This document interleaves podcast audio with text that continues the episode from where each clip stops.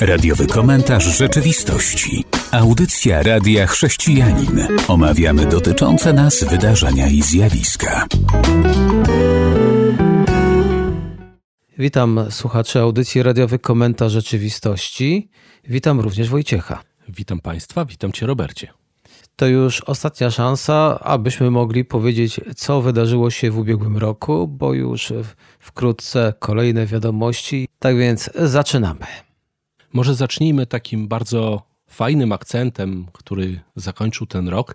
Mianowicie pewna dziewczynka ze Śląska została zdiagnozowana pod względem zdrowia. Okazało się, że ma w głowie trzy guzy i to umiejscowione bardzo głęboko. Jej matka postanowiła skontaktować się z pewnym ewangelistą Łukaszem Szczepankow... Szczepaniakiem, przepraszam, w jednym z lokalnych kościołów na Śląsku. No i zdecydowali się pomodlić o małą Wiktorię. Oczywiście y, przeprowadzili modlitwę o jej zdrowie, o wzmocnienie i dziecko jednak przekazano do szpitala na operację. I w dniu, kiedy miano przeprowadzić tę operację, lekarz zdecydował się jeszcze raz przeprowadzić badania. Jak później oświadczył, poczuł, że tak właśnie ma zrobić. I okazało się, że dziecko zostało uzdrowione. Te guzy zniknęły. Jest na to dokumentacja medyczna. Także Bóg działa, Bóg daje zdrowie, jeżeli tylko do niego wołamy. Taki dobry prezent świąteczny a zarazem bardzo dobrze, że lekarz e, najpierw jeszcze próbował sprawdzić, no bo szkoda byłoby się przekonać, kiedy już by przyszło co do czego. Także życzymy zdrowia dziecku, ale również naszym słuchaczom, bo to wspaniała okazja, aby to z nowym rokiem być jeszcze zdrowszym. Dokładnie tak. A druga taka ciekawa informacja to jeden z wierzących, Lary Tomczak, lider zakładający kościoły, ewangelista, przedstawił podczas jednej z prelekcji swoje spostrzeżenia na temat tego, jak żyć, jak się cieszyć wolnym czasem. I on tu pokazał kilka takich sposobów. Przede wszystkim to, na co zwrócił uwagę, to nade wszystko utrzymuj społeczność z Bogiem bo On daje pokój, On zachowuje nas, On nas y, trzyma. Następnie to pozostawaj w zgodzie ze snem, czyli śpijmy, odpoczywajmy, nie przedkładajmy powiedzmy elektroniki nad, nad sen. Poświęć czas na planowanie. Jeżeli planujesz, to wszystko będzie miało swoje jakieś wyznaczone cele, nie działasz jakby po omacku. Wyznacz granice, naucz się mówić nie.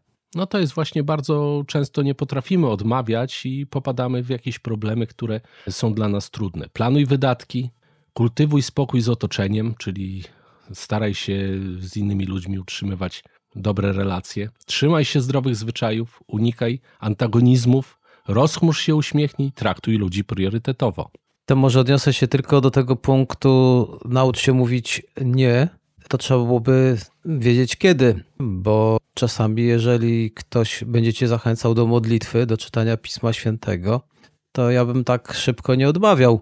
Ewentualnie jest jeszcze bardzo wiele innych rzeczy, do których ktoś, a w tym wypadku może Pan Bóg nas zachęcać, na przykład podziel się z kimś Ewangelią w tym nowym roku, no to naucz się mówić nie. No, to tak trochę żartując.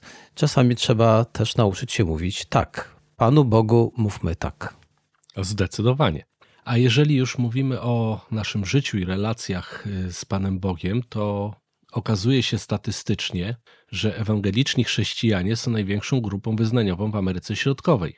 Tak badacze MNR Consultants przeprowadzili pierwsze badania w Ameryce Środkowej dotyczące przynależności religijnej, wierzeń i praktyk i okazuje się, że właśnie tak to się kształtuje. 37% populacji, a akurat katolicyzm odnotował bardzo duży spadek, osiągając jedynie 32%, gdzie jeszcze do niedawna było to 61%. Także ciekawie się dzieje na świecie, ciekawie się dzieje w Ameryce Łacińskiej.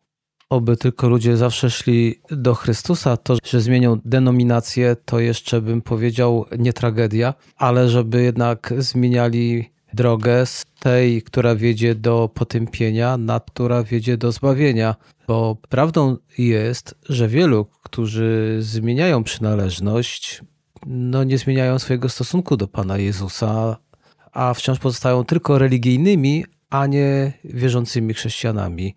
Co zresztą pewnie teraz w te święta również można było zauważyć i się zdziwić, jak wiele osób ruszyło do kościołów, których w tych kościołach nie można było zobaczyć w inne dni. No jest to takie smutne, że tradycja czasami zastępuje nam wiarę. trzeba czasami się pokazać przed sąsiadami, że my tu jesteśmy. No, no nie o to chodzi, nie o to chodzi. Zapraszam teraz słuchaczy na przerwę muzyczną. Posłuchamy utworu, który ma wiele wspólnego ze świętami. Powracamy do wiadomości, do wiadomości już w nowym roku, ale teraz jeszcze chcę nawiązać do świąt Bożego Narodzenia, bo wielu Amerykanów uważa, że znaczenie tego święta zostało utracone. Taka ankieta miała miejsce, niedawno świętowaliśmy, a ja też uważam, że o tym warto pamiętać przez cały rok, o tym, że Jezus przyszedł, aby nas zbawić. No i okazuje się, że większość Amerykanów nadal wierzy w świętego Mikołaja. Z tej ankiety można wnioskować. Ankieta, o której wspomniałem, pokazuje, że 3 czwarte ankietowanych zgodziło się ze stwierdzeniem, że większość Amerykanów zapomniała o prawdziwym znaczeniu Bożego Narodzenia. Zgodzili się z tym Amerykanie przede wszystkim powyżej 65 roku życia, 81%.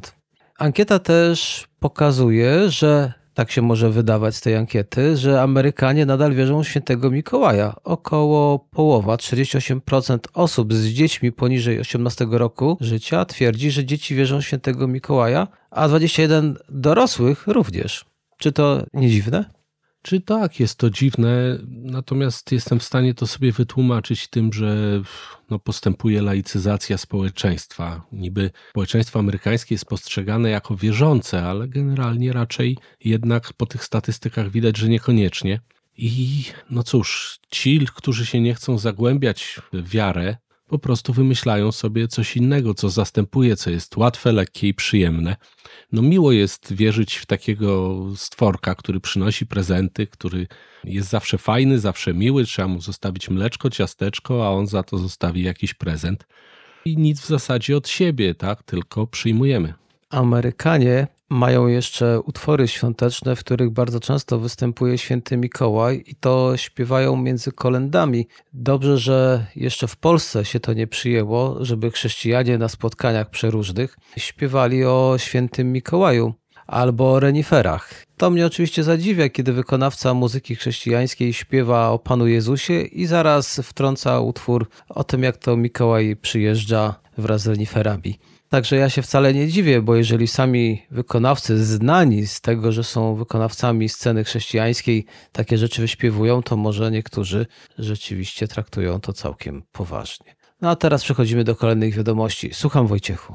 Skoro już powiedzieliśmy o laicyzacji, o ateizmie, to warto tutaj zauważyć ciekawe spostrzeżenie pastora Piotra Kierkleskiego, który przewodzi zborowi Kościoła Zielonoświątkowego Boża Góra w Boguszowie-Gorcach. On stwierdził, że jeszcze do niedawna myślał, że przyczyny ateizmu leżą poniżej pasa, czyli że chodzi o seks, o zysk, o kieszeń. Natomiast teraz trochę zweryfikował swoje stwierdzenie i powiedział: Jest dziś dla mnie oczywiste, że ateiści są również motywowani pychą, ignorancją i nienawiścią oraz potencjalnie całym spektrum niskich pobudek. Chodzi mu tutaj o to, że taki ateista nie jest w stanie pochylić się przed Bogiem, skłonić się i przyznać, że jest coś ponad, że jest ktoś, kto stworzył świat i jest tak wygodniej. Myślę, że można byłoby polemizować jeszcze z tym pastorem, dlatego że to też trzeba pokory, aby przyznać się do rzeczy, że się w coś nie wierzy, w kraju, w którym wszyscy wokoło chcą wierzyć. Więc nie wiem, może być to pycha, tak, bo są ludzie, którzy chcą być sami dla siebie sterem, żeglarzem i okrętem, i wtedy Pana Boga nie dopuszczają do tego, więc są też ludzie wierzący, którzy Pana Boga nie dopuszczają do wielu dziedzin w swoim życiu, bo sami chcą sterować. I zapewne są też ludzie, którzy Boga odrzucają, bo sami chcą sterować swoim życiem. Ale myślę, że są też wśród ateistów ludzie, którzy, a może bardziej wśród teistów, ludzie, którzy z pokorą podchodzą do świata, nie mogą zaakceptować pewnych rzeczy, bo potrzebują pomocy. Więc takie słowa mogłyby odepchnąć tych, którzy tak naprawdę no, jeszcze szukają i wcale nie jest to wyraz pychy. No ale to jest tylko moje zdanie. No może on bardziej to przemyślał niż ja. Znaczy, zgodzę się tutaj, że to jest bardzo duże uogólnienie, bo nie da się wszystkich wrzucić do jednego worka. No, ludzie są przeróżni, różne mają motywacje. I faktycznie, no, polemika, chociaż uważam, że spostrzeżenia ma ciekawe, natomiast pewnie jeszcze można by było tutaj coś dołożyć. Choć generalnie chcę powiedzieć, nie należymy do społeczeństwa pokornego. Biblia mówi, że pokornym Bóg łaskę daje. Warto o tym pamiętać. To nie są też tematy, które rozbrzmiewają w kazaniach zbyt często.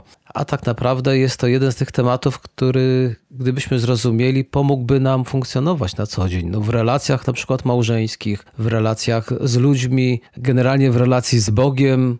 No bo człowiek pokorny generalnie ma się lepiej, nie gorzej. Ale trudno w to niektórym uwierzyć. Myślą, że jak się będą łokciami rozpierać i tak iść przez życie, to będzie im lepiej. No nie pokorni wbrew temu, co można myśleć, lepiej śpią, mają więcej radości i tak dalej, i tak dalej. A przechodzimy teraz do kolejnej informacji. To ja może bym chciał się przenieść na Wyspy Brytyjskie, bo nie tak dawno król Karol III miał swoje wystąpienie. Chodzi o Boże Narodzenie. Nawiązywał dużo do królowej Elżbiety, i w tym swoim pierwszym przemówieniu bożonarodzeniowym skierowanym do narodu, jako król zapowiedział, że będzie kontynuował działalność filantropijną królowej, ale nie wyjaśnił, jakie jest jego stanowisko w sprawie wielowyznaniowego podejścia. To, co chcę powiedzieć, królowa broniła chrześcijaństwa. Naprawdę, w swoich wypowiedziach była odważna.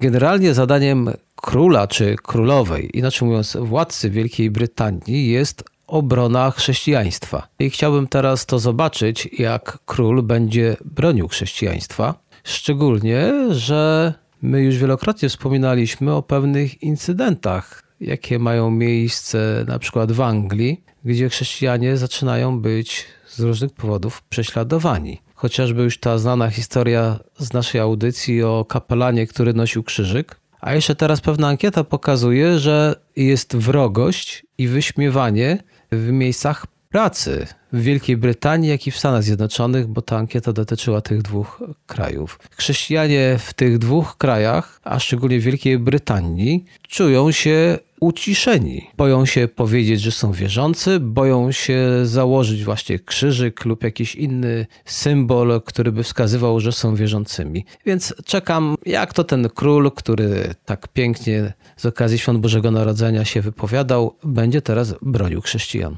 Taka refleksja mnie naszła, czy on faktycznie chce bronić chrześcijaństwa, czy po prostu kościoła anglikańskiego, który jest powiedzmy jakąś formą też chrześcijaństwa, jakąś denominacją, a nie całym chrześcijaństwem szeroko rozumianym, czyli kościoły protestanckie, kościoły katolickie, które no też są uważane za kościoły chrześcijańskie. Też z ciekawością będę przyglądał się tym, temu tematowi. Jeśli będzie bronił chrześcijaństwa, a nawet jeżeli tylko anglikanizmu, to i tak to wyjdzie na zdrowie wszystkim chrześcijanom, bo to nie są już te czasy, kiedy Anglikanie próbowali tępić innych chrześcijan, bo tak było w historii. One się już skończyły. A teraz zapraszam na kolejny utwór świąteczny, po którym oczywiście powracamy. Witam ponownie. Wojciechu, co tam jeszcze?